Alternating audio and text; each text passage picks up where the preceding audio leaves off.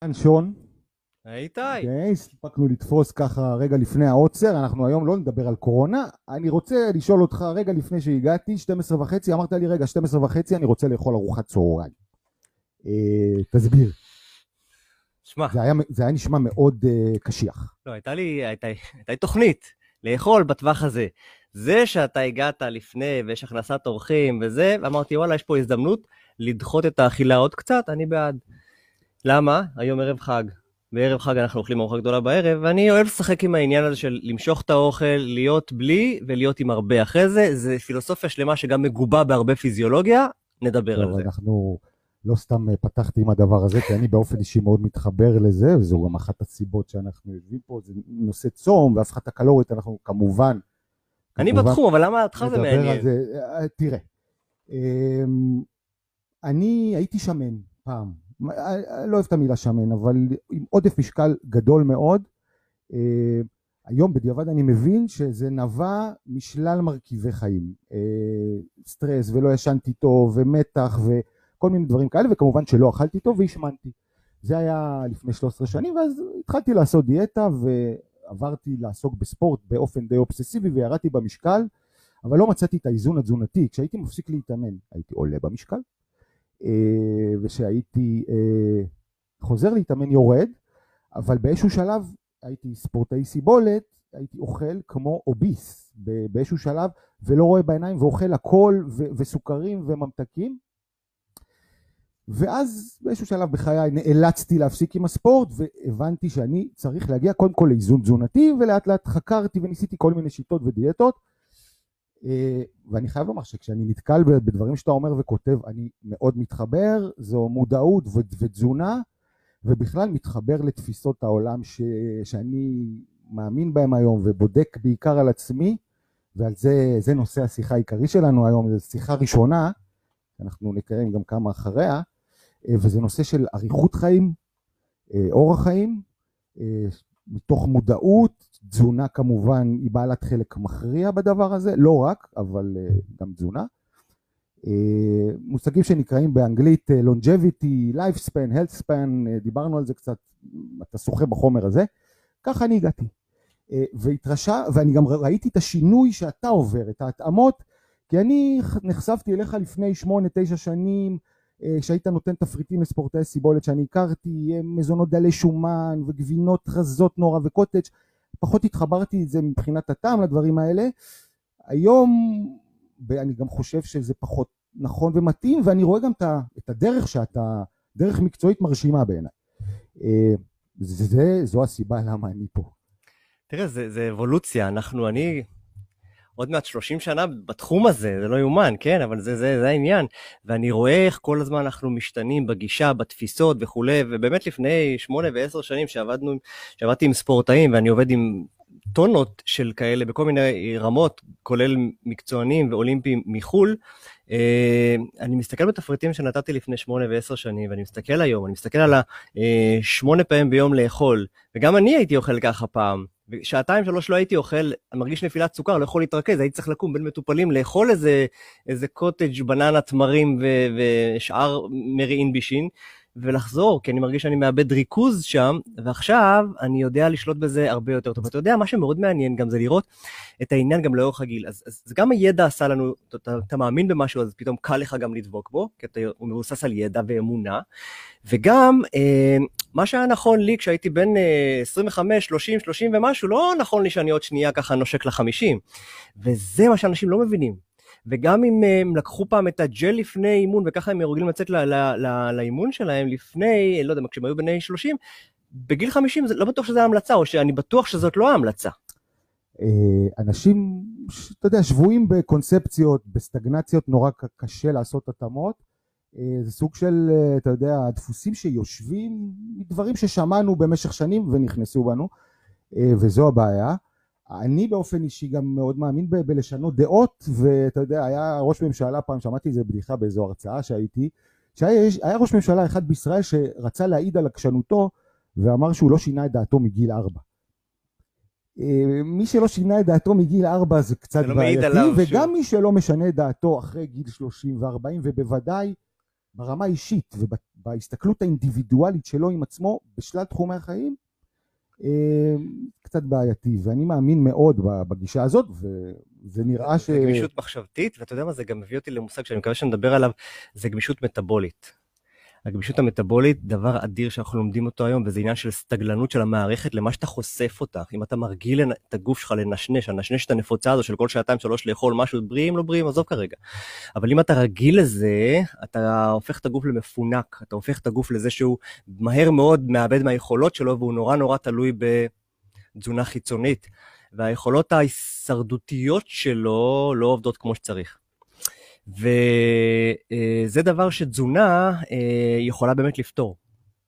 שימוש בשומן אה, טוב יותר ו- וניהול אה, סוכר טוב יותר, זה דברים שהתזונה שלנו, אופן צריכת הסוכר שלנו, לא רק מה אני אוכל, מתי אני אוכל. וכל כן. השנתיים האחרונות אנחנו מדברים המון על המתי, ואני מניח שנדבר עליו. המה והתזמון.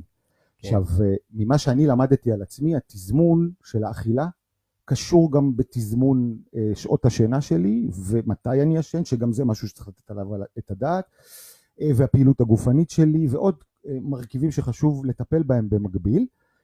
ואני רוצה שנתחבר למושגים שאמרת, מושגים שכמובן מעניינים את כולם, איזה שומנים נכון וסוכרים ואיזונים, ונחבר את זה למושג אריכות החיים, הלונג'ביטי שלשמו התכנסנו, כי הצום הזה, אנחנו גם אם תרצה אפשר לגעת קצת בסוגים, אבל הוא בעצם חלק מתפיסת עולם תזונתית אה, בדרך ללונג'יביטי, לאותה אריכות חיים ואורח חיים.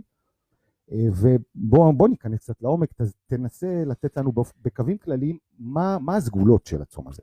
אני, אני אגע בצום תכף, אבל בוא נדבר רגע על, ה, על, ה, על הקונספציה. כ, כבני אדם אנחנו אה, מורגלים ברמת ה-DNA שלנו, אה, תחשוב אבולוציונית, לחשוב אלפי שנה, אלפי שנים אחורה. ברגע שאנחנו, אה, אה, הגוף שלנו מורגל לעמוד בסטרס ולפעול שם, והוא הכי לא מורגל למקרר שפתוח לו וזמין לו 24/7, ושנעים לו בטמפרטורה והיא ממוזגת, וששום אה, נמר לא רודף אחריך ואתה יושב כל היום במשרד. זה משהו לא רגיל.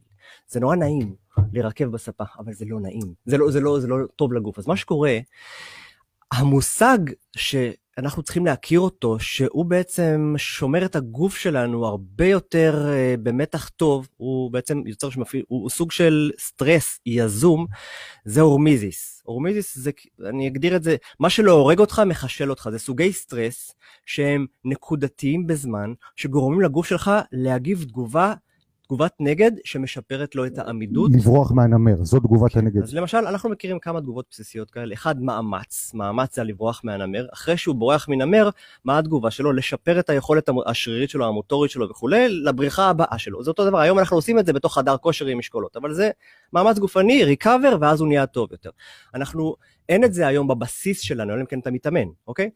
הסטרס הנוסף זה חוסר באוכל זמין, צום. אתה לא עושה את זה, אם אתה לא מנשנש או לא אוכל כמה שעות ואתה מגיע לדיפלישן שלך, אז אתה מגיע למצב שאתה מביא את הגוף שלך למצב שהוא חייב לעשות אה, fat אה, adaptation, ואז הוא שורף שומן טוב יותר, ואז הוא מפעיל את הגנים ההישרדותיים, האנטי-דלקתיים שלו, שהם הבסיס, שאולי נדבר על זה, לכל הנושא של האריכות חיים אחרי זה. אז אם אני אעשה סדר, בעצם במה שאתה אומר, הפעולות האלה, כמו צום למשל, או כמו אימון, שהן פעולות קשות, זה פעולות שהן מאמץ, גם צום זה סוג של מאמץ, הן יוצרות את, את אותו סטרס חיובי, אה, שהוא בא לידי ביטוי בהמון תחומי חיים, כמו אותו פעם, אותו אדם, אדם אה, של פעם שברח, מה, שהיה צריך לברוח מהנמר. אה, איך זה קשור לקורטיזול? זה קשור לקורטיזול? כן, יש מערכת הורמונלית שמגיבה לסטרס הזה. יש הורמונים שהם אה, אה, אה, עובדים ומעלים את הדופק, או, מעלים את רמה, או יכולים לתת לך גיבוי לרמת הסוכר, הם מאפשרים לך בעצם להיות אנרגטי ברמה המיידית, מבלי להיות תלוי בחומרי מזון. זאת אומרת, תאר לך באבולוציה, רדף אחריך נמר אותו שנייה, רגע, אני אקח ג'ל, אני צריך לברוח. זה לא באמת, אתה לא יכול לבנות על דבר כזה, צריך שתהיה מערכת שמאפשרת לך זמינות אנרגטית מיידית. אז יש את ההורמונים שעושים את זה, וזה, אה, אה, יש, יש קבוצה של ארבעה הורמונים כאלה, קורטיזול הוא אחד מהם, אבל אנחנו יודעים שסטרס כרוני לאורך זמן, כמו למשל אם אתה עכשיו סתם חשוף ללחץ של הקורונה, או כלכלית, או כל מיני כאלה, אלה מדדים שיוצרים סטרס כרוני, וסטרס כרוני שונה מסטרס אקוטי. סטרס כרוני מפרק אותנו, הוא גורם לנזקים גבוהים, שההורמונים האלה לא יורדים אחרי זה, כמו בטבע, ואין אחרי זה את ההתאוששות, אז אנחנו משלמים בבריאות. כי סטרס הוא טוב אם הוא קצר מועד. אני מסכים לגמרי עם מה שאתה אומר, וחשוב לי לציין שאנחנו לא, רוב רובנו בכלל לא מודעים לזה שאנחנו סובלים מסטרס כרוני בתחום כלשהו בחיים. עכשיו, הסטרס הכרוני הזה, הוא גורם לתופעות בריאותיות, אצל כל אחד זה בא לידי ביטוי בהתאם לגנטיקה שלו. יש כאלה שישמינו בחגורת הבטן, ויש כאלה שיצטברו להם אה, שומנים בעורקים. אה, כל, כל, יש מישהו שבכלל תיווצר לו בזילה. אה, מה שאני הבנתי זה שבעצם הקורטיזול זה, סוג, זה, זה הורמון מיוחד שהוא כמו חרב פיפיות, זאת אומרת הוא, הוא משיג את, את האנרגיה הזאת, הוא דוחף אותה לתאים כשצריך לברוח מהנמר, אבל כל עוד הוא שוהה זמן ארוך מדי או בכמות גדולה מדי, וזו הבעיה, גם זו הבעיה של התזונה ושל ניהול הסטרס, הוא בעצם עושה פעולה הפוכה, הוא מושך את האנרגיה, מושך מהתאים אה, חומרים שצריכים להיות שם, ובעצם מתפזרים בזרם הדם ומתחילים לגרום לנזקים. כן, קורטיזול כמו הרבה מערכות שאנחנו לומדים להכיר בשנים האחרונות, הוא, הוא הורמון שיש לו מופע צירקדיאני, זאת אומרת הוא עובד לפי, לפי שעון. עכשיו באבולוציה, ההורמון הזה, יש לו פיק הפרשה, שזה איפשהו בין 5 לפנות בוקר עד איזה 9, פחות או יותר, אלה השעות שהוא, יש לו מופע גבוה יותר בדם, והוא בעצם, מה שהוא יודע לעשות, הוא מעלה לנו את רמת הסוכר בדם. הוא גורם לנו, בדרך, לא משנה, כרגע הוא יודע לפרק מאגרי מזון שונים, והוא הופך אותם לסוכר זמין בדם, גם אם לא אכלת. לכן רמת הסוכר בבוקר היא יחסית גבוהה לעומת שעות אחרות ביום, אבל היא, היא קבועה שם. ומאיפה זה מגיע? גם אם לא תאכל סוכר, היא תהיה שם יחסית גבוהה, זה בגלל אותו הורמון שמעלה את רמת הסוכר, כי הוא מכין אותך ליום, הוא מכין אותך לפעולות של היום, מבלי שתהיה תלוי ב... לקחתי חטיף אנרגיה, לקחתי פרי או ציד, יש לי אנרגיה לקום ולצוד בעצמי. אז לכן הקורטיזול עולה בבוקר והוא הורמון סטרס. אנחנו יודעים שאוכל למשל, או אכילה ראשונה, תגרום לירידה שלו אחרי זה, כי האוכל יעלה את האינסולין, ואינסולין הוא קונטרה רגולטורי להורמון הזה, הוא מוריד אותו. אז עד, כשאתה אוכל הוא, הוא יורד, אבל גם אם תעבור השעה של הבוקר, פחות או יותר, אז כבר הגוף מוריד את ההפרשה שלו. אתה בעצם מדבר על איזון הורמונלי, כמה אה, הורמון הקורטיזול שאחראי ניהול הסטרס הוא קשור בתזמון גם של, של האינסולין שאחראי בעצם על ה... יותר במחזור התזונה, ו, ובעצם אלה שני כלים מאוד חשובים בדרך לאריכות ימים, זה התזונה וניהול הסטרס, ופה נתחבר ברשותך לעוד הורמון נוסף, ו, ואז נמשיך עם הצום, כי זה גם קשור, כי דיברת על מחזור צירקדי, אה, ויש את המלטונין, mm-hmm. ושינה, אה, זה הדבר הכי חשוב מבחינתי, זה בסיס הפירמידה מתוך ארגזי הכלים, שחלק מהם גם תזונה, תסביר לנו קצת על המלטונין. ואיך הוא מתקשר במחזור הצירקדי, מתי הוא משתחרר וכדומה. אם, אם נלך על המופע הזה של 24 שעות, הגוף מתעורר בבוקר, הקורטיזול עוזר לנו להתחיל את היום, הקורטיזול מביא אותנו למצב של עוררות וזמינות אנרגטית, כדי שנשיג את הציד שלנו, נעשה את הפעולות של היום שלנו. אם אתה רוצה כבר להמשיך הלאה את המחזור, אז אנחנו צריכים בשלב הזה גם איפשהו להיות חשופים לשמש, ואם אנחנו חשופים לשמש, ובאופן ישיר אנחנו מייצרים יותר סרוטונין דרך השמש, הסרוטונין הופך למלטונין בלילה, כשהאור נעלם לנו, ומלטונין מכניס אותנו לשלב השינה, שלבי השינה העמוקים יותר. הרם זה אחד מהשלבים של השינה, אנחנו בלילה אחד אמורים לעשות חמישה מחזורים של 90 דקות שינה, זאת אומרת שבע וחצי שעות שינה בממוצע כדי להשיג שינה טובה. ב-90 דקות האלה אנחנו עושים איתחול של המערכות שלנו בגוף, ומי שלא ישן טוב או לא ישן מספיק, סובל כל לילה מחוסר איתחול של המערכת, וכמו מחשב שלא עשו לו איתחול הרבה שנים, אז קבצים נתקעים, אין שם, אין שם בנייה מחודשת, אה, אנשים, אנחנו רואים מיידית יום אחרי זה שינויים בהורמוני רעב, אנחנו רואים מיידית אה, ירידה ביכולות הפיזיות, הקוגניטיביות, הכל מתחרבש אחרי לילות כאלה. אז אנחנו יודעים שמלטונין מכניס, אם הוא מופרש טוב, הוא מכניס אותנו עמוק יותר לשלבי השינה העמוקים, והגוף יעשה ריקאברי, ניתן לו מספיק זמן, והוא יתחדש שם. אז הוא מאוד מאוד חשוב שם. לאנשים עם בעיות שינה כבר אפשר לדבר על מושגים שנקראים היגיינת שינה ונטילה של מלטונין וכל מיני כאלה, אבל כן, זה סוגריים. אני, אני נתקלתי במושג זיהום אור. הרי המלטונין משתחרר בחושך, ו... יפה. ו... אבל וצריך לא... לש... צריך לישון בשעות מסוימות, גם לשינה התזמון שלה מאוד חשוב. יש מחזורים, נכון. אמ, ופה זה מתקשר לאיזון, לאיזון ההורמונלי אה, שדיברנו עליו בשלל התחומים, שינה וניהול סטרס ומזון, אה, ומאחר ואתה בעיקר תזונאי, אז אנחנו ניגע עכשיו קצת יותר בתחום, בתחום הזה ונתחבר חזרה לצום, כי הצום איכשהו, לפחות לדעתי, יש לו הרבה סגולות, כמה, אבל מה שהוא עושה, הוא מאזן את, ה, את אותם הורמונים באמת, עוד פעם, אם מישהו ישן בשעות הנכונות, אוכל בשעות הנכונות, ההורמונים האלה מתאזנים, גם הורמון הסטרס, גם ה... דיברת על זה. אה, אז, אז מתי לצום? בכלל, כל אחד יכול לצום? בואו בוא נתחיל מזה. קודם כל, לא מומלץ לכל אחד. יש אה, אנשים ש... בוא נגיד ככה, אנשים שנוטלים תרופות ואנשים עם בעיות אה, אה, מטאבוליות צריכים לעשות את זה בליווי אישי, אה, רפואי, תזונתי, זה, זה לא לכל אחד. אבל uh, תחשבו על זה, אנשים נבהלים מהמילה צום, ואז אני שואל הרבה, או אתה יודע מה, מטופלים שאומרים, שמע, מה, לא לאכול uh, כמה שעות, אני לא יכול, אני ממש לא חושב, חושב שאני מסוגל, ואז אני שואל אותם, צמת פעם בכיפור?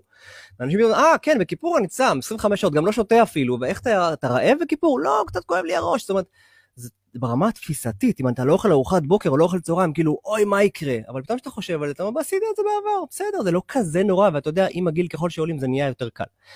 אז אמרנו, לאנשים שנוטלים תרופות וכולי, אלה כרגע לא, לא בדיון, אוקיי? אבל אה, יש גם אנשים, נגיד מבוגרים, שהם אה, מה שנקרא אה, סרקופנים, סרקו בלטינית זה בשר, פניה זה עיבוד בשר, אנשים שיש להם דילול שריר או דלדול שריר, מצבים כאלה שהם ממושכים יותר, שהם לא מאוזנים, יכולים לגרום לנו דלדול נוסף, אנחנו לא רוצים לאבד שם שריר, זה יכול לקרות. המחקרים שמדברים על צומות קצרים, וצומות יש לנו כמה סוגים של צומות, שמשיגים מטרות שונות, וגם כתבתי על זה, אפשר לראות את זה אצלי אה, גם בדף וכולי, ולעקוב אחרי זה. אה, אז, אז צומות קצרים, יש להם הישגים מסוימים. צומות... מה זה קצרים? בוא... קצרים זה מה שנקרא time restricted feeding, זה כאילו, זה חלונות זמן, זה אכילה שהיא אכילה מתוזמנת לפרקי זמן קצרים יותר, שבדרך כלל נעים בין 4 שעות אכילה עד 8 שעות אכילה מתוך היממה. זאת אומרת, אני עושה גג 8 שעות אכילה, או 6 או 4, יש כל מיני כאלה. נגיד, אומד זה, אה, זה נקרא uh, uh, one meal a day.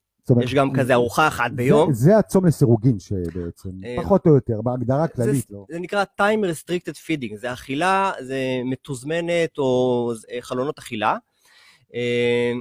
כשהבא בתור זה הצומות לסירוגין. זה צומות שהן בדרך כלל מעל, יש שם המון הגדרות אגב, יש כל מיני, מגדירים את זה קצת אחרת, אבל הצומות נחשבים מעל 24 שעות. 24, 36, 48, יש, ואז יש דייט uh, מימיקינג. זאת אומרת, יש צומות שהם דמויי דיאט, או דיאטה שהם דמוי צום, שבהם אוכלים אה, אה, ערכים נמוכים, מאות קלוריות, משהו כמו 500 קלוריות, תלוי בגודל של הגוף, למשך חמישה ימים כאלה, חמישה ימים של כסח, אבל תראה, אלה דברים שהם יותר טיפוליים, שנותנים אותם לאנשים עם מחלות אה, כרוניות יותר. הצומות הארוכים. כן, שזה מעט קלוריות, זה לא צום מוחלט, יש גם כאלה שעושים מוחלט רק על מים. ונותנים אותם פעם בשלושה חודשים. יש כל מיני פרוטוקולים כאלה, הם פרוטוקולים טיפוליים, שהם, הייתי בכנס בווגאס שעסק ב anti-aging, וזה מדהים לראות תיאורי מקרה של אנשים עם מחלות נורא קשות, שרופאים שם הוציאו אותם באמצעות פרוטוקולים כאלה, מול קבוצת ביקורת כמובן וכולי, וראו שזמן ההחלמה התקצר משמעותית, והיו שינויים במדדים דלקתיים וכולי. אה, כמו שאמרתי, למי לא נמליץ? לאנשים בלי פיקוח רפואי שעושים דברים כאלה, בטח לא. זה לא מתאים לכל אחד.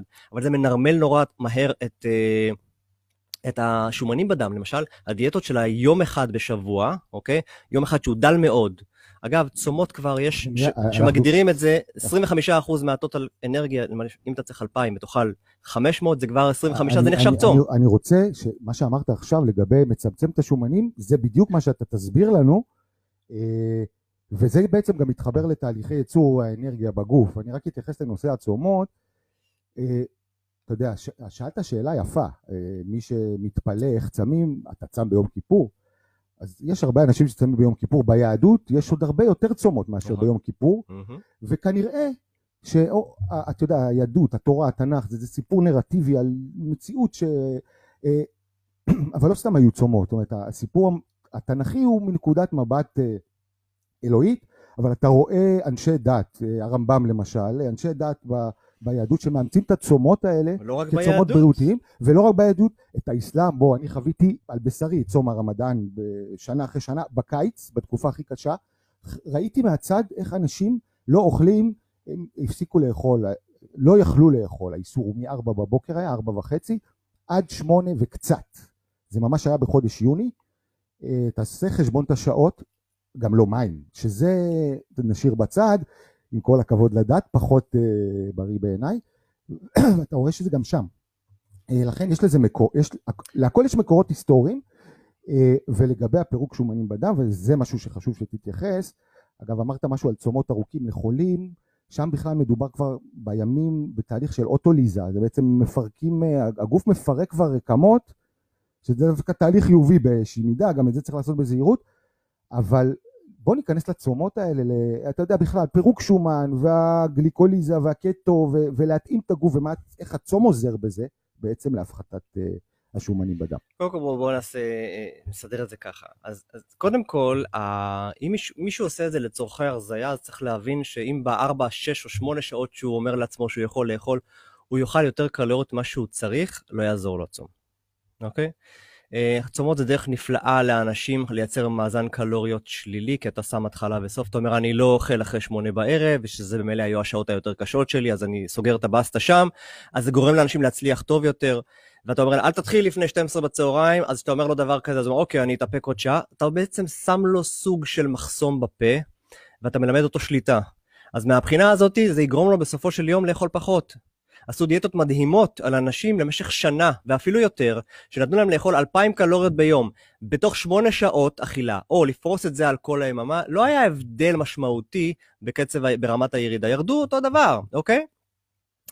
אבל אה, אנחנו יודעים שלצומות יש ערכים אחרים, חוץ מהשליטה ונרמול רמות סוכר שזה עושה, כי יש לך הרבה שעות שאתה לומד לשרוף שומן, או אתה לומד גם מבחינת המוח והדופמין במוח, שזה אה, גם כן הורמון שמופרש, זה הורמון שנותן לך תחושה של אה, סיפוק הנאה ותחושה נעימה, הוא מופרש שאוכלים סוכר, הוא מופרש גם שמעשנים ושותים אלכוהול, או עושים כל דבר שעושה נעים, עושה דופמין במוח, ואנחנו מתמכרים לזה, אז אנחנו נורא מהר נרצה, והמנשנשים אוכלים את הנשנוש ביניים שלהם, בריא או לא בריא זה לא האישו כרגע, כדי לקבל עוד מנה של דופמין במוח, לא כי הם רעבים, זה בדיוק העניין.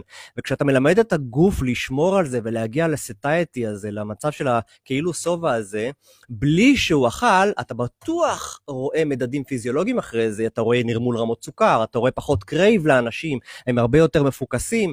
הם, הם לא צריכים, אני הייתי אוכל כל שעתיים שלוש פעם, כי גם חשבתי שזה בסדר, וה, וזה לא טוב לשריר לא לאכול, אבל המחקרים על הצום מראים שזה לא פוגע בשריר, צומות קצרים לא פוגעים בשריר, אה, זה לא כל כך מהר קורה, אולי יש אנשים שיגיבו קצת אחרת, זה שונות, כן? כשצמים, הרקמות מתפרקות, אבל מתפרקות רקמות לא חיוניות. לא, זה מאוד תלוי במשך הצום. אה, ברור, ברור. ויש כל מיני טכניקות להגיע לזה. אתה יכול להגיע לתהליכים של, אה, אנחנו קוראים לזה ניקוי, או תהליכים שהם יותר מעודדים פירוק ובנייה אחרי זה.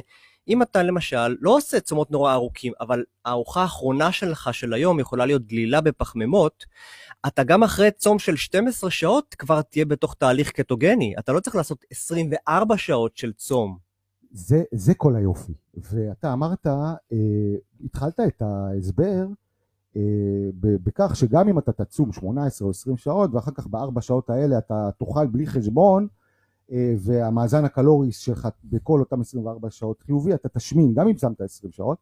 העניין הוא שבצום הזה קשה מאוד בארבע שעות אכילה או בשש שעות אכילה באמת לייצר אה, אה, תיאבון לכל כך הרבה קלוריות ופה גם נושא התזמון ומה אוכלים כששוברים את הצום, זאת אומרת אני יכול לספר לך מה אני עושה, מה שזה גם לי באופן אישי מאפשר אה, פחות להתעסק בזמן שאני אוכל, הארוחה הראשונה היא הכי קריטית מבחינתי כי היא גם אה, משליכה על איך אני ארגיש בהמשך שעות האכילה אה, אה, שלי, וגם על זה אני רוצה לשלוט, פנטסטי. וזה חשוב, אה, ארוחה ראשונה, חשוב לי שתתייחס לזה, אבל מה שזה גם מאפשר לי זה גם גמישות, אתה יודע, בלי לקבוע כללים מאוד פנאטיים למה אני אוכל אחר כך, אחרי שכבר הכנסתי לי את המרכיבים הטובים, את השומן, את החלבון, את הסיבים, את הירקות, את כל הארוחה שהיא גם מאוד משביעה, אז אני כן, אני באופן אישי כן, כן אוכל פחמימות בערב, אה, אבל אני יודע שההשלכה שלהם תהיה שבבוקר יש מצב שאני ארגיש קצת רעב. אבל אני זורק את המחשבה הזאת כי אני יודע שזה הפחמימות שהתפרקו מדברו, יש לי את מאגרי השומן, כמו שאמרת, אני יכול להיכנס שוב לקיטו הזה כי אני ממושמע.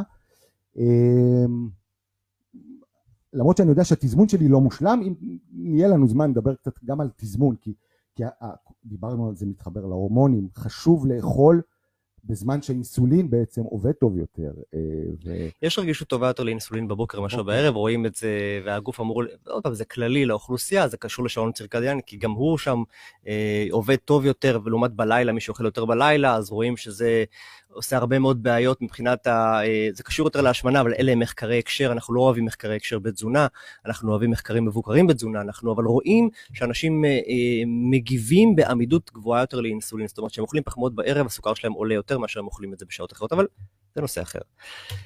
מה שאנחנו רוצים להשיג בצומות באופן כללי, ולכן אנחנו כאילו אה, מרכזים את האוכל, אתה אומר, אוקיי, אז אותם 2,000 קלוריות ביום, אולי זה לא ישפיע על המשקל, אכלתי אותם בארבע שעות, אכלתי אותם בעשר שעות, מה העניין? אז קודם כל, כשאני לא אוכל אותם הרבה שעות, אז רמת הגליקוגן יכולה להתפרק יותר, ואני יכול להגיע לייצר תהליכים, אה, אה, תהליכי קטו, שזה חומצות, אה, אה, בעצם אנחנו מייצרים את זה מפירוק שומן, ברגע שרמת הגליקוגן שלי היא דלדלה, והחומצות קטו האלה, א', הן מדכאות רעב, אז אנשים שלא אוכלים הרבה זמן אחרי זה, פתאום עובר להם רעב, זה בגלל החומצות קטו וזה יתרון אחד, אבל זה לא, זה, זה שולי. מה שהם עוד עושות החומצות קטו האלה, ולכן האנשים הדתיים, החסידים של, של התזונה הקטוגנית, אה, נורא נמצאים שם, חוץ מזה שהם פתאום אין להם קפיצות סוכר ואין להם רעב וכולי. אה, יש, יש לזה הרבה מאוד יתרונות טיפוליים משמעותיים ברמה של ה anti-aging, ברמה של הדלקתיות הכללית בגוף וכולי. תסביר לנו למה, ברמה, איך זה, זה קשור לאינסולין דרך אגב? זה, זה פחות, אה, זה לא, כי ברגע שאתה נמצא ברמה הנמוכה, ברמה של קיטו, אתה נמצא ברמת אינסולין מאוד נמוכה, זה משפר בעקיפין, הרגישות לאינסולין עולה. ואז קצת אינסולין אז, עובד. אז זה, זה, זו נקודה שדווקא מיד תמשיך, דווקא כמו שאני מבין את זה, מה שקורה, שכשאתה בעצם אה, בקיטו, אה, אתה מייצר אנרגיה ללא צורך בשחרור אינסולין, או הצורך הזה הופך להיות מינימלי, בניגוד לייצור אנרגיה בגליקוליזה מפחמימות, אה, ואז... חשוב שנגיד משהו על האינסולין ואז הזה. ואז האינסולין הזה, קודם כל, אה, הגוף לא מייצר לו רגישות, או תלוי כל אחד בזה, אבל בעצם מה, האינסולין, שימוש יתר בו, מה שאני מבין, אה, גורם להזדקנות התאים, כי הוא בעצם, הוא, הוא כל הזמן מחדיר את ה... הוא צריך להחדיר, להחדיר, להחדיר. בהליך הקיטו, למה הזדקנות התאים מואטת? כי זה לא קורה. אתה אוכל, אבל התאים שלך, אני ממש, אתה יודע, אני ממשיל את זה, הם לא נדקרים כל הזמן על ידי אותו אינסולין שצריך להחדיר לא, אז בוא, אז בוא נדייק את זה, שאני לא רוצה בוא, ש... אז בוא נדייק. ש... זה, שלא ידבק לאנשים גם דברים שהם... אה, תראה, אה, האינסולין מאוד חשוב כדי להחדיר באמת סוכר לתוך התאים. מה שקורה, האינסולין הוא לא הבעיה, אחרת הוא לא היה שם. לא היינו מייצרים משהו שהוא בעייתי לגוף, כמו גם קורטיזול. זה לא הבעיה. הבעיה היא כשיש מצבים שהגוף מפתח בהם עמידות לאינסולין, במצבים של השמנה, במצבים דלקתיים וכולי, אלה מצבים לא טובים, שנגרמים מלייפסטייל לא נכון, אכילות מוגזמות, חוסר פעילות וכולי. חוסר שינה, חוסר... כן, אז יש, נוצרים אה, אה, ציטוקינים, שזה הורמוני, אה, הורמונים דלקתיים בגוף, שהם גורמים לתאים כסייד אפקט, לפתח עמידות לאינסולין, והאינסולין לא מצליח לפתוח את התאים ולהחדיר לו את הנוטריאנטים פנימה.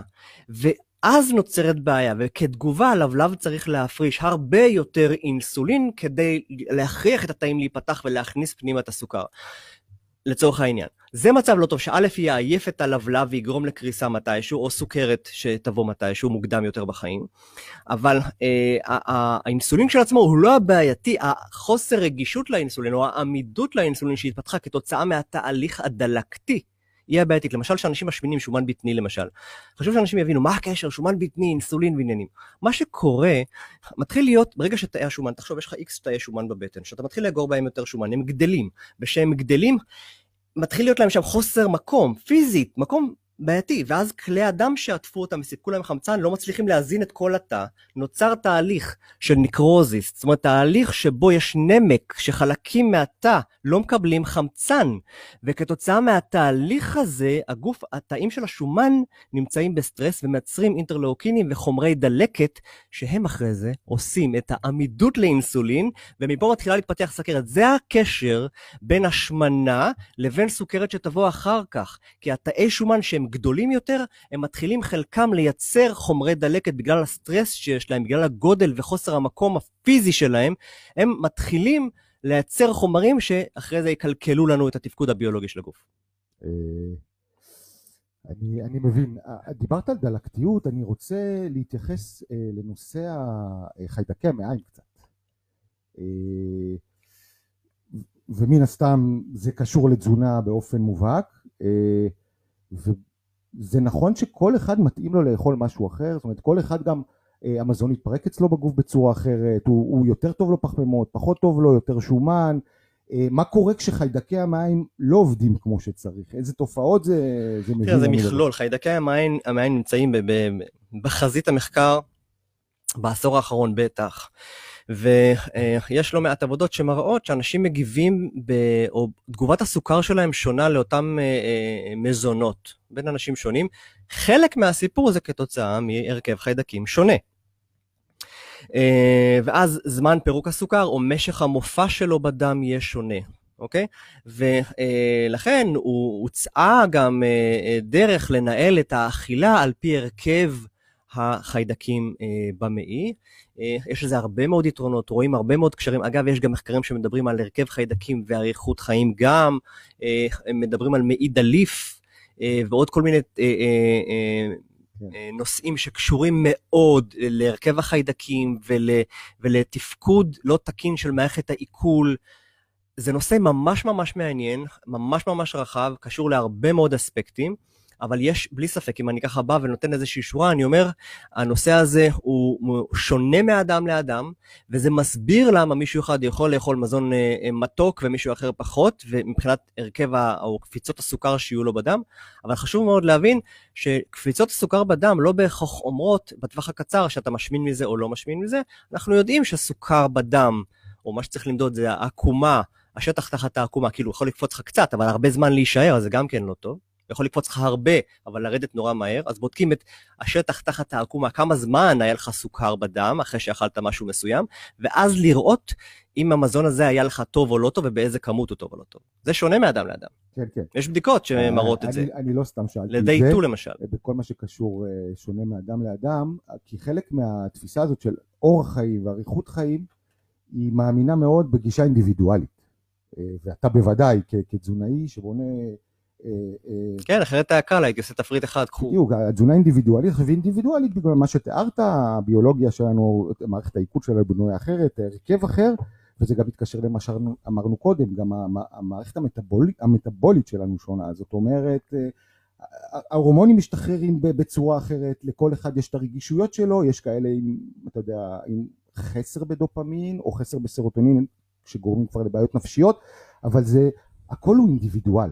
ומה שהיום החקר בנושא החדש הזה שהוא בעצם פעם דיברו על anti-aging anti-aging זה מושג כבר קצת יותר ותיק ואם אני זוכר כמי שהביט על זה מהצד זה היה נראה כמו איזה סוג של טיפולים לאנשים מאוד עשירים עם הרבה כסף אני גם לא יודע מה היו התוצאות.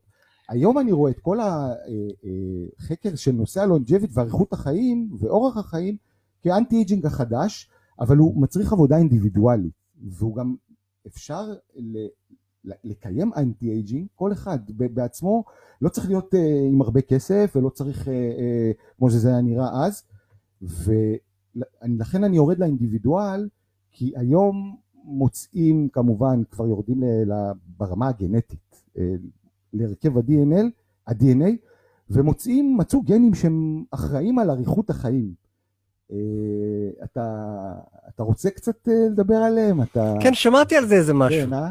כן. אה, קודם כל המושג anti-aging הוחלף לפני כמה שנים, או דויק לפני כמה שנים למה שנקרא anti-inflammaging. זאת אומרת מלשון דל... דלקת, אוקיי? ואנחנו, כי אנחנו יודעים שמה שמזקין את הגוף זה הדלקת. ולכן אנחנו מדברים על בוא נעשה הכל כדי להוריד תהליך דלקתי, ואנחנו יודעים שהשמנה לצורך העניין זה תהליך דלקתי קלאסי, דיברנו על שומן בטני מקודם והבנו את העניין הזה, סוכר גבוה לאורך זמן יוצר תהליך דלקתי, עובדה, הקטו, לא השלמנו את העניין, אבל הקטו למשל הם מדכאים תהליכים דלקתיים כאלה, הם מפעילים גנים שאתה רוצה שעכשיו נדבר עליהם, הם עושים הרבה מאוד דברים טובים. אז אה, מה שאנחנו יודעים לומר זה שאנחנו מחפשים אחרי מניפולציות כאלה שמפעילים את אותם גנים, ויש קבוצה של גנים שזוהו, שנקראים סירטואינים.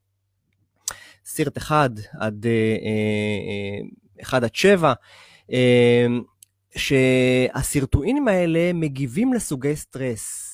הורמיזיס, מה שאמרנו בהתחלה, למשל לצום, הם מגיבים לקור, ראית כל מיני, לאחרונה מדברים על אמבטיות קור וקרח וכל מיני כאלה. אה, אז גם לצום, גם לקור וגם למאמץ גופני. כל הדברים שדיברנו עליהם בהתחלה, שהאדם הקדמון היה נחשף אליהם, והיום אנחנו לא כל כך נחשפים אליהם. אז תחשוב, אפרופו, זה מיל... נושא מאוד מעניין, מתי היה לך קר לאחרונה? על קר באמת. אתה לא זוכר דבר כזה. לא. עכשיו, באבולוציה תקינה, אחת התיאוריות החדשות שמדברת למה אנחנו שמנים הרבה יותר עכשיו, זה כי תמיד נעים לנו. תמיד אנחנו מכוסים, תמיד בלילה יש לך שמיכה, יש לך ג'קט, הכל סבבה. קצת קריר, אנחנו מדליקים חימום. פעם, כמה פעמים בשבוע, אנשים חוו לילות נורא נורא קרים, רק על זה הם בזבזו 500 קלוריות, על הקור הזה, מדי לילה. הקלוריות האלה לא הולכות לאיבוד, הן נשארות אצלנו. תחשוב כמה אלפים כאלה בשנה. עכשיו, אנחנו יודעים שקור מפעיל סירטואינים, אוקיי? אה, הוא מפעיל את רקמת השומן החום, למשל, שזה נושא מרתק בשנים האחרונות. זה שומן שחשבו שלא קיים באנשים בוגרים, רק בתינוקות עד גיל שנתיים, וזה עוזר לנו לא לקפוא מקור, זה, הם יכולים לרעוד שעתיים ולא קורה להם כלום, אחרת בגלל שטח הפנים הם יכולים למות ממכת קור בשנייה היפותרמיה. וקיים אצל למשל דובים למשל שישנים חצי שנה בשלג, וזה שומן שמבחינת המיטוכונדריה שלו זה בנוי הפוך כך שהוא לא אוגר קלוריות, הוא שורף קלוריות, השומן החום, והוא מבזבז לך המון קלוריות. מה שגילו זה שקור מפעיל אה, אה, סירט 3, סירטואינים, שגורמים בעצם להפעלה של השומן החום, או, או זה לא בדיוק ככה. אתה אומר בפעולה פשוטה, אתה נוגע בהרכב הגנטי שלך וקצת מנסה... אתה מפעיל מנגנונים ששלחת אותם לישון. הדלקת כן. כפתורים שעוזרים לך להישאר צעיר ובריא יותר, ולכן האמבטיות קור האלה, או מקלחת קרה, או מצב של סטרס, של מה אמרנו, hormesis זה סטרס קצר שלא הורג אותך, מחשל אותך.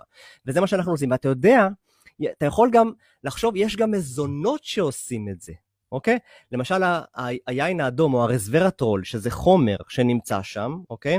רק שהעניין שאנשים שמעו שזה יין אדום, א', שגילו את זה בשנת 2006, אז... אה, הזינוק במכירות של היין קפץ באולי כן, 20%. אף אחד לא דיבר במונחים של רזוורטרול אז, זה, זה כבר לא, יותר היום. לא, זיהו את זה, אבל יש, דויד סינקלר זיהה את זה אז, אבל, נכון. אבל העניין שחשבו שאוקיי, בוא נשתה יין, אנשים מכרו הרבה יותר, אתה יודע, העסקים מכרו הרבה יותר יין, כי אמרו שזה הרבה יותר בריא אז. אבל בוא, בוא נשים את זה בקונטקסט, כדי שתקבל מנה טובה של רזוורטרול, צריך לשתות 500 בקבוקים. אז זהו, טוב, קודם כל לגבי יין, אה, אומרים שבמרלו יש כמות גבוהה פי חמש, או לא יודע 300 בקבוקים, לא, מרלו. לא, ופה, אה, אתה יודע, יש גם אה, עוד, יש עוד איזה תוסף תזונה היום, איזה מרכיב שנקרא NAD, NAD. שהוא גם מפעיל את הסרטונים. ניקוטין אמין. ו- ו- וניסיתי אני לבדוק איפה, באיזה מזונות אני יכול למצוא אותם, ו- וראיתי ומצאתי, אבל באמת שמעתי את דיוויד סינקלר, שהוא אחד מה, מהמומחים הגדולים בתחום הזה של לוג'ביטי ואריכות חיים, והוא למשל, ופה אני רוצה לקחת אותך כתזונאי גם לנושא של תוספים, כי יש גבול כמה אנחנו יכולים, אה, אתה יודע, ה hacking הזה, ה biohacking הזה, שאנחנו רוצים נורא אה, לפצח את עצמנו ולקחת דברים טובים, אתה יודע, אה, דיוויד סינקלר מדבר על, על תוספים, על supplements ועל הרבה, והוא חי על זה. לעומת זאת יש כאלה שהם, אתה יודע, הם מגוונים בפעילות הגופנית שלהם וב, אה, ובמזון ובזה, ופחות נסמכים על תוספים. השאלה אם באמת אנחנו יכולים להסתדר היום שאנחנו מבינים באמת טוב, ועם, ועם איכות התזונה, סליחה שאני אומר, הקלוקלת של החברה המערבית, כדאי לקחת תוספים, לא כדאי, מי שאוכל נכון צריך, לא צריך, כי כי מצד אחד זה נורא מושך, אתה רוצה להשתפר, אתה רוצה להיות טוב יותר, מצד שני, תשמע, אין לזה סוף. בוא נשים אין לזה סוף. בוא נשים את זה ככה. קודם כל, תוספי תזונה הם תוספים לתזונה. הם אף פעם לא יחליפו את התזונה. ואני לא נוגע בתוספי תזונה עם אנשים עד שאני לא מנסה לנרמל להם את התזונה. כי זה קיצור דרך, אני רואה את זה אצל ספורטאים, אה, תביא תוסף, במיוחד אצל מתבגרים, תביא תוסף, נסגור את העניין. זה לא יעבוד. אם אתה תיקח NAD, אוקיי? שזה נקרא ניקוטינמיד דינוקליאוטיד, שזה חומר שיש לנו אותו בגוף, אם אתה תיקח חומרים, לא לוקחים אותו כתוסף, האמת, לוקחים NR ולוקחים... אה, ביחד. כן, לוקחים נכון. לא, חומרים שהופכים להיות בגוף NAD, נכון, בסדר? כן, כן, זה שני תוספים צריך לקחת בשביל ה-NAD. לא, יש את ה-NR ו-NMN, לא MNM, לא לבלבל את זה עם MNM, NMN, אוקיי? Uh, שני החומרים האלה הם פריקורסורים, הם שלב אחד לפני יצירת ה-NAD ואז בגוף אפשר לקחת NAD, יש טיפול של NAD בזריקה, זה משהו אחר. אבל מה שקורה, NAD נוצר בגוף, אתה יודע מתי? במצב טבעי, במצב של סטרס. אם אני שם אותך בצום, אם אני שם אותך בתהליך של קטו, או אני שם אותך במאמץ גופני, רמת ה-NAD הזמינה יורדת, וזה החומר שהולך להפעיל לך את הסירטואינים, זה הקשר. ואז הסירטואינים עובדים, ואז הגנים האנטי-דלקתיים עובדים לטובתך, ושומרים עליך הרבה יותר טוב, זה כל הרעיון, ולכן ההורמיזיס הזה, הלחץ שאתה מייצר על הגוף, במצב של קור, במצב של אה, מאמץ גופני, או במצב של צום, אתה מייצר יותר NAD בצורה הטבעית. עכשיו, אם תיקח תוספים שמעלים את ה-NAD, אבל תתקע קלוריות, זה לא יעבוד. גם הספיגה שלהם, אני לא יודע עד כמה היא, התוס, אותם תוספים, זה כבר זה נושא גם אחר. עניין, נושא אחר של ספיגה, זה אישו אחר, כי יש מחקרים פה ושם, אבל תבין, זה לא יכול לעבוד בלי שאתה מטפל בתזונה. זאת אומרת, NAD, או הפריקרסורים של ה-NAD, ה-NR וה-NMN, יכולים לעבוד רק אם אתה נמצא במצב שאתה מנהל את התזונה שלך עם פרוטוקולים נכונים, ואתה עושה אימונים נכונים, ואז אתה לוקח את התוספים האלה, אז אתה גורם להפרשה מוגברת של סירטואינים, ויש תהליך אנטי-דלקתי, או אנטי-אינפלמייג'ין אצלך, שמצעיר לך את הגוף. זה הרעיון, לשם אנחנו רוצים ללכת. אה, כן, באמת אה, נעשה מחקר על דיאטת רעב לקופים, ובאמת ראו שאותה דיאטת רעב העלתה את... אה, יש יותר שלהם, יותר נכון. סירטואינים, ותוחלת החיים שלהם עלתה נכון, אבל קל, לא קל לשרוד ברעב. באופן משמעותי. אז מה שיפה בצומות זה שאתה לא צריך להיות, אה, זה לא כמו דיאטה רעב. מה שקורה דיאטת רעב, אתה צריך לאכול נגיד פחות, אבל לחיות ככה. אז אתה חי יותר, אבל יותר עצבני הרבה יותר שנים. מה- למה זה טוב? הצומות, אפילו אתה יכול לאכול את אותן קלוריות, אבל פשוט בפרקי זמן קצרים יותר, ואז פשוט להתאפק. אתה לא, אתה לא בהכרח יורד במשקל אם אכלת את אותה רמה הקלורית, מהמם. אבל נהנית מהאפקטים של הסטרס הזה של השעות ללא אכילה, ואז הפעלת את הסירטואינים כתוצאה מזה. אני מבין.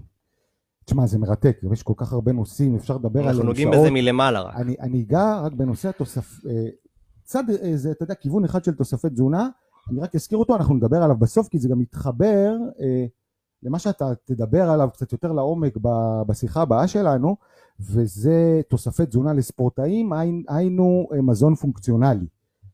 אה, נדבר על זה, אני רק, אני חשוב לי לגעת איתך בנקודה אחת, אה, וכמו שאתה יודע, זה נראה, אנחנו מנהלים פה שיח נורא נעים ומסכימים על הכל, ובאמת כל מה שאתה, שאתה אומר אני ממש אה, שומע ומאזין בשקיקה. יש נושא אחד שאני קצת זיהיתי שאולי יכולים להיות לנו עליו חילוקי דעות, אה, וזה נושא, אה, נגיד, החלבון מן החי, אוקיי? שומן, חלבון. מה אתה רוצה לדבר על החלבון מהחי? דבר. אני עוקב אחריך אה, ורואה על מה אתה ממליץ, ואני עוד פעם אומר, התזונה שלך היא תזונה, כשאני, כשאני אני רואה אותה, היא תזונה לאריכות ימים ולאורח חיים. כי אתה יודע, אני בדקתי את הנושא הזה עוד לפני כן, לפני שראיתי את הכיוון הזה שלך, ואני מאוד מאמין בדברים שאתה עושה, אבל נתקלתי שם באיזשהו עיקרון אחד שהוא טיפה הפוך לעיקרון שאני מאמין בו, וזה זה בעצם אותה, אותה אכיל, אכילת חלבון מן החי, זאת אומרת אכילת אה, בשר. אני חייב עניין אחד לשים בצד, וזה את נושא הטבעונות. אני לא מאמין בטבעונות כ, כ, כתזונה, בכלל אני לא מאמין בתזונות קיצוניות בשום מקרה, אבל אני יכול לכבד, ואני מכבד טבעונות כ, כ, אידיאולוגיה. כאידיאולוגיה, ולכן אני לא רוצה להיכנס אתה לנושא מנקה את הזה, הקטע האידיאולוגי, את הקטע המדעי יותר. יותר לנושא המדעי. כן. אז אה, מה השאלה? חלבון מן, ה, אה, מן החי, כן או לא? טוב או לא? שומן מן החי, טוב או לא? רגע, כן זה או שני לא? דברים שונים, חלבון מן אז החי. בוא נלך על החלבון, עזוב, שומן נשאיר לשיחה. אוקיי. אז מה אתה חושב שאני חושב?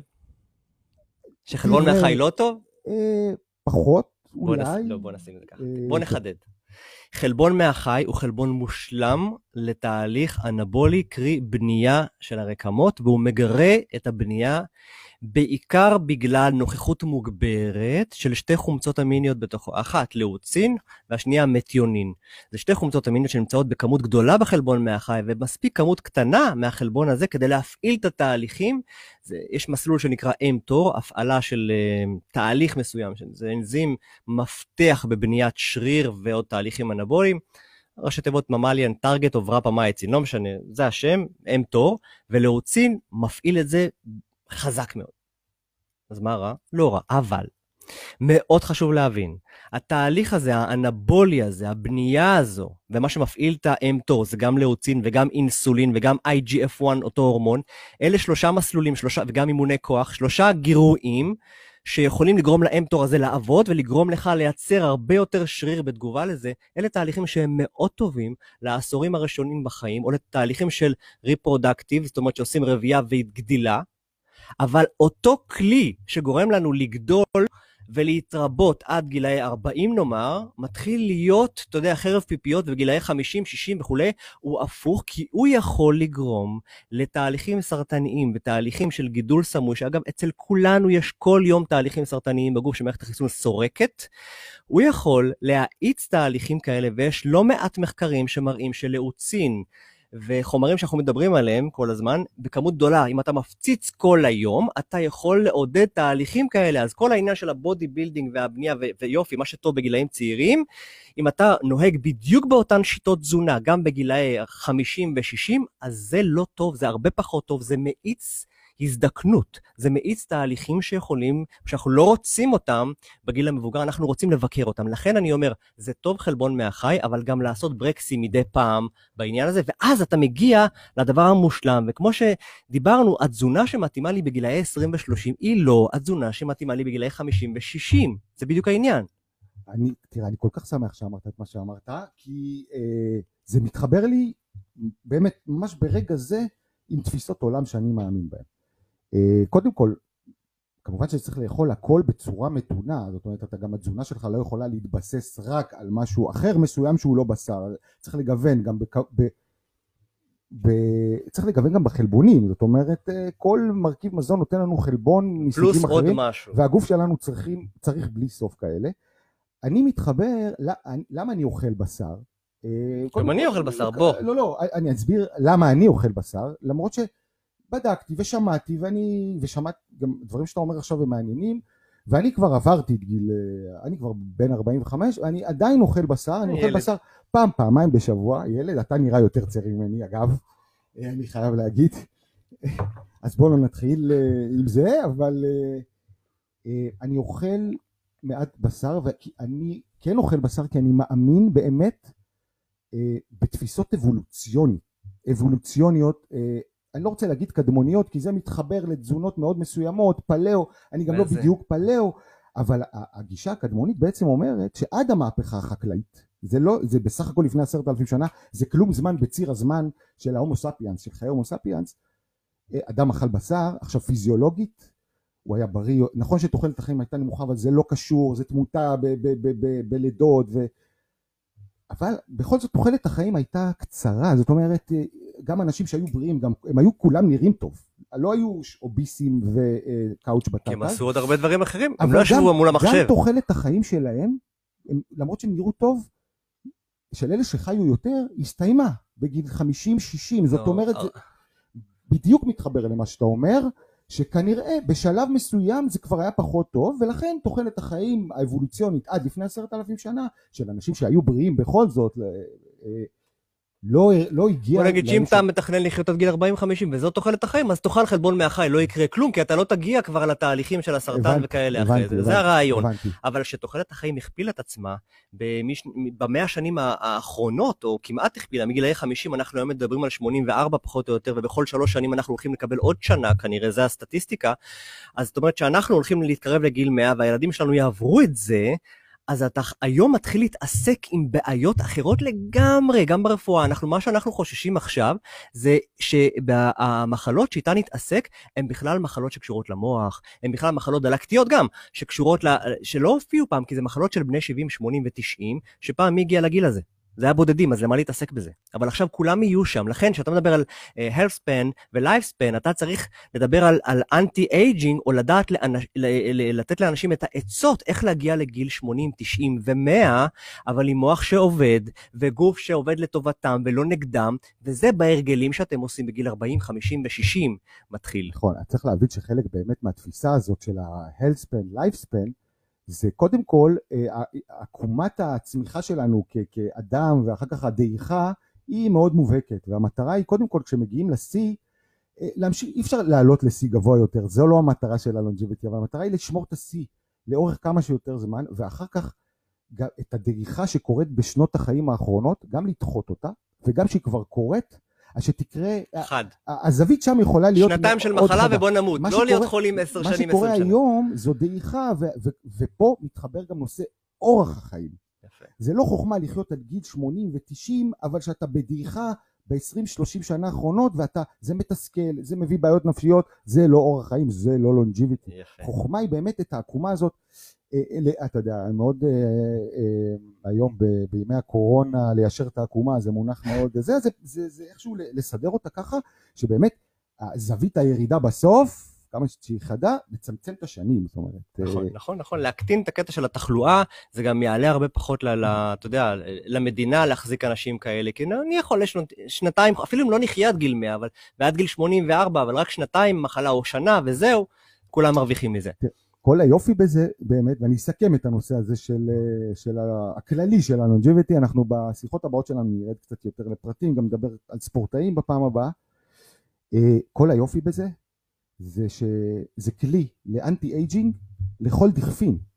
זאת אומרת, כל מי שרוצה, אתה לא צריך ללכת לרופא מיוחד, ואתה צריך לאכול נכון, אתה צריך לישון בשעות הנכונות וטוב, אתה צריך להיות מודע לסטרס שלך ו- נכון. ולנהל אותו. מודעות אתה ומשמעת. צריך להתאמן, אתה צריך להתאמן גוף ונפש, בכלל בעניין של כושר גופני גם בתור סיבולטן לשעבר, והיום אני מבין כמה, אתה יודע, לפעמים אנשים שעושים טריאטלון חושבים שהם ספורטאי על, זה ספורט באמת אה, מאתגר וקשה וזה, אבל אה, יש הרבה מרכיבי כושר גופני שצריך לה...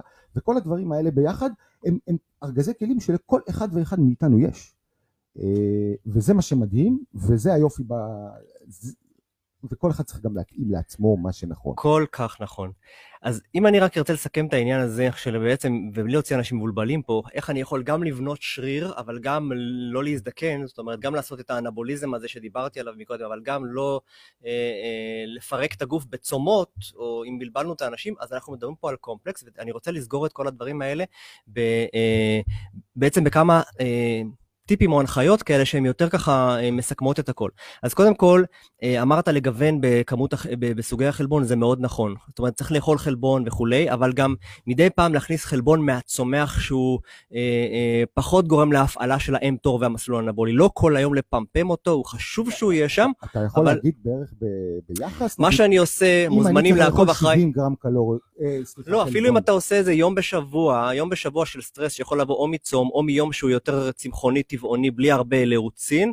אין, אין מינון מדויק היום שאנחנו יכולים לבוא ולהגיד, אבל אנחנו צריכים שזה יבוא בחשבון, שלא כל יום אתה טורף כמויות של אה, בשר, או אה, עזוב בשר, לרוצין בכמויות היסטריות. הוא מאוד חשוב שהוא יהיה עם המטרה שלך בבניית של צעירים, זה חשוב מאוד, למבוגרים אנחנו רוצים את זה.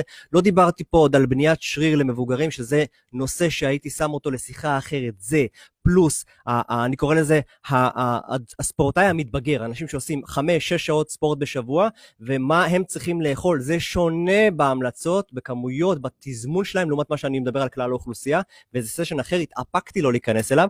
אז אני רק אגיד על החלבון. לעשות חלבון, מי שאוכל חלבון מהחי, להתחיל להכניס גם קטניות. מה הזמנתי אותך לפני ולא הספקנו? חומוס. יפה.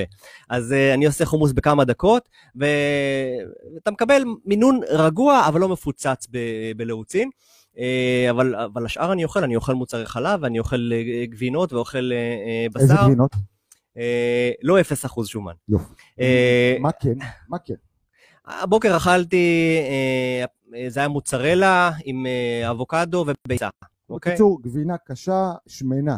כן, לא, אבל אני אוכל גם לא, אני אוכל גם קוטג', אבל אני לא אוכל 0%. אבל איזה- גם... אה, סליחה שאני שואל אותך, זו שאלה חודרנית, איזה קוטג' אתה אוכל? חמישה אחוז, אבל מה שקורה, מה אני אני אוכל? תשעה אחוז, אני הפסקתי לאכול קוטג' כי אני פחות רוצה לאכול מוצרי חלב בקר, אבל זה שלי, זה באמת לא איזה עכשיו. אני מעדיף לאכול אה, לא מאוד עמוס בשומן מהחי ולהוסיף שומן מאבוקדו, אוקיי? ואנחנו יודעים שהחומצות שומן, ה alpha-linolenic acid, לא משנה, חומצות שומן שמגיעות מהצומח, יש להן פעולות אחרות שקשורות ל longevity, אוקיי? אז אני מעדיף את השומן הזה להכניס למוצרי חלב ולא לבזבז המון שומן מהחי, כי אני מקבל שומן רב בלתי רווי, או אה, שומן, שומן רווי, גם כשאני אוכל בשר וגם כשאני אוכל דברים אחרים. אז אני רוצה לגוון בשומנים, וזה מאוד חשוב. אז אה, אני מגוון בסוג החלבונים, אה, תדירות אכילה נמוכה, בבקשה, תאכלו פחות פעמים ביום. תאכלו פחות פעמים ביום, זה סופר חשוב. לא להיות על אה, שש ארוחות ביום, פחות, והצומות פה נכנסים ימים מסוימים, לא חייב כל יום, של לאכול פעמיים ביום, זה מצוין, בעיקר בסופי שבוע, שיש אה, אה, אה, ארוחות גדולות כמו היום, אז אני יכול לאכול ארוחה אחת, אה, תהיה יותר שומן חלבון, והארוחה השנייה אני אוכל בפחמימות, וזה בסדר, אוקיי? אבל ימים כאלה שיש ארוחה גדולה, אז תצומו יותר שעות, וזה מצוין. ושאלת אותי מקודם, מה אני עושה אחרי הצום, ואיך לאכול אחרי הצום, זה- וזה סופר חשוב, אז הארוחה... זה חשוב על כמה ארוחות אתה הצליח או לא- או לא הצליח. יפה, אז מה אני אוכל? אם אני אוכל שטויות, אז זה יעשה אותי אולי רעב יותר אחרי זה, אבל גם מאוד חשוב, כשאנחנו עושים את, ה, אה, את הצום, אם הוא ממושך מספיק, והגוף נכנס לתהליך של קטו, והוא עולה על 14 שעות ויותר, אתה מתחיל שם תהליך שנקרא אוטופגיה. זה תהליך שהגוף מתחיל לעכל או לאכול חלבונים ישנים שמזקינים אותו, אוקיי? זה לא כמו פאקמן שאתה אוכל תא, זה בתוך התא קורה, יש שם מין פחי זבל כאלה שמנקים אותך. אז בעבר שללנו כל מיני תהליכים שאמרנו תהליך אין ניקוי, לא צריך ניקוי, הכליות מנקות אותנו, אז זה לא בדיוק נכון, יש ניקוי תוך תאי, זה קורה במצבים של אה, צומות למשל. אז כשאתה לא חשוף לנשנושים כל היום ולגוף אין מה לעשות, הוא מתייעל ואוכל את החלקים הישנים שבו, זה ההתחלה של התחדשות. ואז הארוחה הבאה שלך, אם היא מספיק מזינה ויש בה הרבה מאוד נוטריאנטים, היא מאפשרת לבנייה מחודשת שלך אחרי הניקוי של הזבל. זה ב- ב- אם אני מצייר את התהליך. רק תרשה לי, אני כל כך, אני מיישם את זה בדיוק ככה. אני יפה, לך שם טוב. כמה שיותר, כמה- מנסה למשוך כמה שיותר, ואז הארוחה הראשונה שלי, אני קודם כל מתחיל איתה עם חמישה עלי חסה. כי, למה חסה? להניע את מערכת העיכול? להניע לאט לאט את מערכת העיכול ולהניע אותה לאט, כי החסה, בזכות הסיבים, אז כבר תחליף את זה לזה- למנגולד, תחליף את זה למשהו עם ערכים, לא, כי אני מדבר החס, על- על- על- על עלים רק על ירוקים, הסיבים, לא מדבר על. עלים ירוקים משלל... אה. מכולם, אני הכי פחות בעד חסה. זה הכי עלים מלאים מים שאין בהם יותר מדי דברים. אה, אה, עלים ירוקים. עלים ירוקים, זו הכוונה. ככל שזה כהה יותר, הוא יותר טוב. אני אוריד קצת את כמות החסה לטובת הדברים האחרים. עכשיו, מה שזה עושה, זה בעצם מינוס קלוריות, כי אתה מכניס, הקיבה מתחילה לעבוד לאט לאט, כן. מכינה עכשיו. למה, למה אני רוצה להכין את הקיבה שלי לעיכול טוב ולאט לאט? כי אני דוחף באותה ארוחה. חלבון כמובן, מגוון כן, ושומן. טוב. ואגב, עיקר השומן שאני אוכל, למרות שאני גם אוכל בשר, ו... אה, טחינה. טוב. אה, טחינה גולמית, אה, אתה יודע, אה, אה, סומסום מונבט, יש כל מיני, אה, גם מהמם. לא יודע אם חרטות או לא חרטות, העיקר לגוון. אבוקדו, סלמון, אה, אתה יודע, לא זה, אבל פעם, פעמיים בשבוע, כמו שפעם, פעמיים בשבוע אני אוכל בשר, פעם, פעמיים בשבוע אני אוכל דג שמן, מעולה. וכל השאר אה, די ים תיכוני, אבל אני לא אוכל גבינות רזות, אני אוכל גבינות שמנות. אה, למרות שעוד פעם, אצלי המחזור, הצום הוא לא מתאים כל כך למחזור הצירקדי, הצום האידיאלי הוא משתיים בצהריים לדעתי עד שש בבוקר, צהריים עד הבוקר, אני צם מהלילה ועד לפעמים שלוש ארבע, עכשיו אני בצום דרך אגב עדיין. זה מצוין. כן, אבל אמרנו שהאינסול, נגיד בבוקר כדאי לאכול, כי האינסולין אה, עובד טוב יותר. אה, אבל זה נורא אישי, אם זה מצליח כן, לך וזה טוב לך, זה בסדר לך. מנטלית אם יותר תאכל קל לי יותר להתמודד. בבוקר, תהיה יותר אנבולי. זה יבנה אותך יותר אני מהר. מבין, כי זה מה שהוא. יודע לעשות, האינסולין בונה אותנו. הבנתי. אוקיי. אני, אני בחרתי את הצום הזה כי קל לי להתמודד איתו מנטלית. נורא קל לי למשוך את היום, לא לאכול. אתה פותח את לקחו- הצ'קרות בבוקר עם אוכל, לך- אתה נהיה רעב כן, יותר כל היום. נורא מתאים לחברה המערבית ולאורח החיים שלנו, כי בערב נפגשים, יוצאים. אתה, אתה רוצה להוריד את. העומס של היום, ומנטלית. בא לך לאכול גם בא שם. לי לאכול, והאבולוציה שלנו נכון, עברה בגלל גם... זה אני מוצא אנשים שאני מציע להם להתחיל את השמונה שעות אכילה, whatever, לא משנה, או מ-12 בצהריים ועד הערב, ויש כאלה שאנחנו מתחילים בבוקר, ויכול להיות שבאמצע השבוע אנחנו נעשה ככה, ובסוף שבוע נעשה ככה, וזה גם בסדר העניין הזה. אתה מבין? זה מאוד מאוד תלוי בלייפסטייל שלך. כי אני אומר, אם אני אתן לך לאכול את האוכל שהכי מתאים לך, אבל סוציאלית, הוא יהפוך אותך להיות בן אדם שאף אחד לא רוצה לשבת איתו, כי הוא לא אוכל אף פעם, אז זה לא שווה, זה מקצר חיים בעיניי. זה חלק מארגזי הכ- הכלים, כדי להיות לא בסטרס, אתה צריך יחסים חברתיים, אתה צריך אה, בדיוק. יחסי משפחה, הכל צריך תקין, הכל צריך להיות נכון, באיזון. נכון, לא, הפנאטיזם עברנו את העניין, אה. לכן אני קצת נגד כל הכתות של כאילו אסור, זה משהו שהוא מאוד מותאם ואפשר להגיע לתוצאות מדהימות עם אלף שיטות שונות. אוקיי. אני באופן אישי בכלל לא מאמין באיסורים אה, גורפים, אני לא חושב שאפשר להחזיק איתם זמן מעמד. אוקיי. אה, עוד משהו בעניין הזה, ככה של... אה, עוד מושגים, מלא, אבל נראה לי שהפעם מלא. אנחנו נדבר, אני. רציתי לדבר על חיסון ולדבר על אה, תזונה לאנשים לפי גילאים וגם אולי לפי מינים ועוד הרבה דברים כאלה, אבל נראה לי שאנחנו נשאיר את זה לשיחה אחרת. אה, שנדבר עליה. על מה נדבר אבל בשיחה הבאה? בשיחה הבאה אני רוצה מאוד לדבר על תזמון אכילה, מתי כדאי לאנשים שעושים פעילות גופנית לאכול, ונראה שזה שונה בגילאים השונים, וזה תלוי מטרה גם, אתה עושה יותר אירובי, ואתה יודע, אמרת משהו מקודם, זה גם משנה, ההמלצה שלי לתזונה אליך הייתה שונה אם היית עכשיו בשלב של אתה רוצה לרדת באחוזי שומן, או אתה רוצה לשמור. כי יכול להיות שיש מצב שבו הייתי אה, מעדיף את התהליך המפרק, והייתי אומר לך, אל תאכל בשעות הבוקר, גם אם לא תבנה שריר טוב, אבל יש לך פשוט אקסטרה שומן לשרוף, ובתהליך שאתה רוצה לשמור על עצמך, אני אגיד לך, תשמע, תאכל יותר ימים בבוקר ותבנה יותר, כי יש לך יותר אינסולין או רגישות לאינסולין ואתה יכול לעשות בנייה טובה יותר, אז יכול להיות שההמלצות ישתנו אצל אותו בן אדם בשלבים שונים. זה גם, של ת- משקל. זה גם תלוי איזה, איזה, באיזה ספורט הוא מתעסק, ועוד פעם, ועוד פעם, הכל אינדיבידואל. הבחור הזה ש, שבאת לפה לפני, התחלנו להרכיב את העניינים, יצאו מכאן זוג. הבחור שיצא ירד פה 30 קילו, היה 150 קילו, עכשיו הוא 120 קילו, אדם שלא עשה ספורט מעולם, אוקיי? והמשקל שהוא הוריד, לא נובע מעודף ספורט שהוא התחיל לעשות, הוא התחיל להתאהב בספורט לאחרונה, למרות שהוא שרירי בבסיס שלו. אבל אה, כבר ב-30 קילו האלה, ההמלצות תזונה מתחילות להשתנות אצלו, ההנחיות שאני נותן לו, כי, כי כרגע הוא נכנס לטווחים הרבה יותר אה, שפויים של אחוזי שומן, והעמידות שלו לאינסולין כבר שונה לגמרי. אני, תשמע, אנחנו כל, צריכים עוד מעט לסיים, אבל אני חייב אה, להתייחס למה שאתה אומר, וזה קשור ל, ל, למונח של לגיוון, diversity, שזה נכון בכל תחומי החיים. גם כשאתה בתוך תהליך מסוים, כדי לעורר ולגרות עוד תאים, עוד, עוד אלמנטים בגוף, אתה צריך לשנות כל הזמן.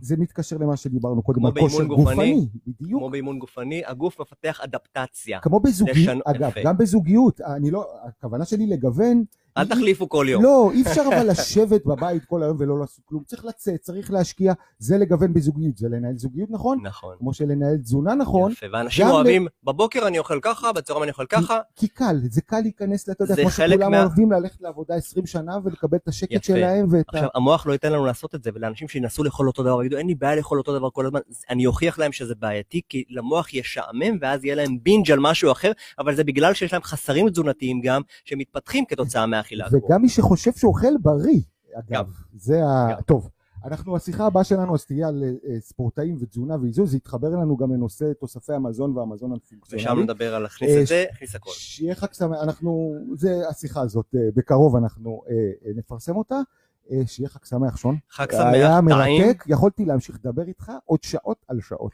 אבל, אתה יודע, כן, כן, יש לנו. עוצר להיכנס כן, אליו, נכון. וחגים. אה, יאללה ביי, שלום לכולם.